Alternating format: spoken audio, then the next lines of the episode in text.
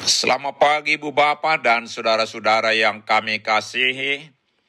Kami dari Yayasan Badan Kerjasama Marturia mengucapkan selamat beraktivitas hari ini di dalam penyertaan Tuhan kita Yesus Kristus.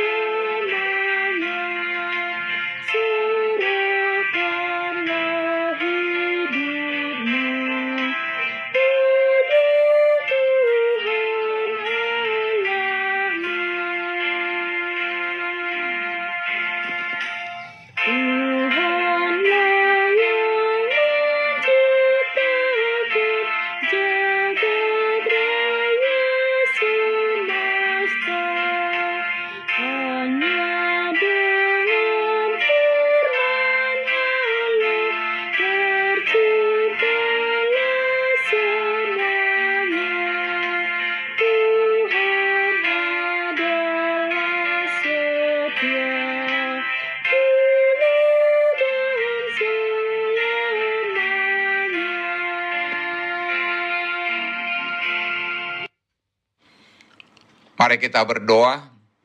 Tuhan Yesus, di pagi hari ini kami hendak merenungkan firman-Mu. Berikan kepada kami hikmat dan pengertian untuk memahami firman-Mu dan tolong kami Tuhan untuk menjadi pelaku-pelaku firman-Mu dalam kehidupan kami. Amin. Saudara-saudara yang dikasihi Tuhan Yesus, firman Tuhan untuk kita renungkan di pagi hari ini terambil dari Jeremia 27 ayat 5 dengan tema tunduk kepada kehendak Tuhan demikian firman Tuhan. Akulah yang menjadikan bumi, manusia dan hewan yang ada di atas muka bumi dengan kekuatanku yang besar dan dengan lenganku yang terentang dan aku memberikannya kepada orang yang benar di mataku. Saudara-saudara yang dikasihi Tuhan Yesus, Tuhan menyatakan kehendaknya melalui Jeremia bahwa bangsa-bangsa lain dan umat Israel harus takluk kepada Babel. Firman Tuhan tersebut nampak aneh. Umat milik kepunyaan Tuhan diminta oleh Tuhan untuk takluk dan tunduk kepada Nebukadnezar, raja dari bangsa yang tidak mengenal dia. Tetapi itulah yang sebenarnya. Karena Tuhan mengatakan bahwa Nebukadnezar adalah hambanya ayat 6, yaitu hamba yang digunakan Tuhan agar Israel umat milik kepunyaan Tuhan yang tidak setia itu sadar dan kembali ke jalan Tuhan.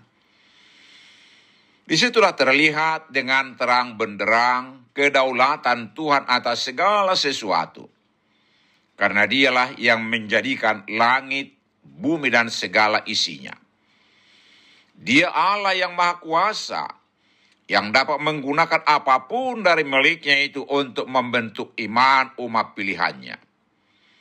Tuhan memiliki cara yang ajaib untuk menobatkan dan mengembalikan umat pilihannya itu ke jalan Tuhan. Karena itulah kita harus mau mempasrahkan diri kita ke tangan Tuhan yang Maha Kuasa dan Maha Kasih itu. Penderitaan, kekecewaan, kehilangan pekerjaan, sakit yang harus kita alami memang sering dipakai Tuhan untuk mendisiplinkan kita, untuk menjadikan kita lebih taat dan beriman kepada Tuhan. Dan ketika kita mau taat dan hidup benar di mata Tuhan, maka Tuhan akan semakin menampakkan kemahakuasanya untuk memberkati kita dengan caranya yang sungguh-sungguh ajaib. Saudara-saudara yang dikasihi Tuhan Yesus, sekarang bagaimanakah sikap kita terhadap Tuhan di saat kita menghadapi penderitaan, kegagalan, kecewaan, atau ketika kehilangan orang yang kita cintai karena COVID-19? Janganlah bersungut-sungut dan menentang Tuhan. Ingatlah, semuanya itu adalah cara Tuhan untuk menguatkan kita supaya lebih taat dan beriman kepadanya. Amin. Mari kita berdoa.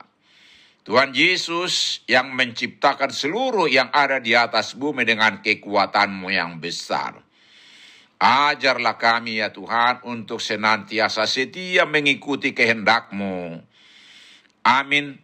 Tuhan Yesus memberkati kita.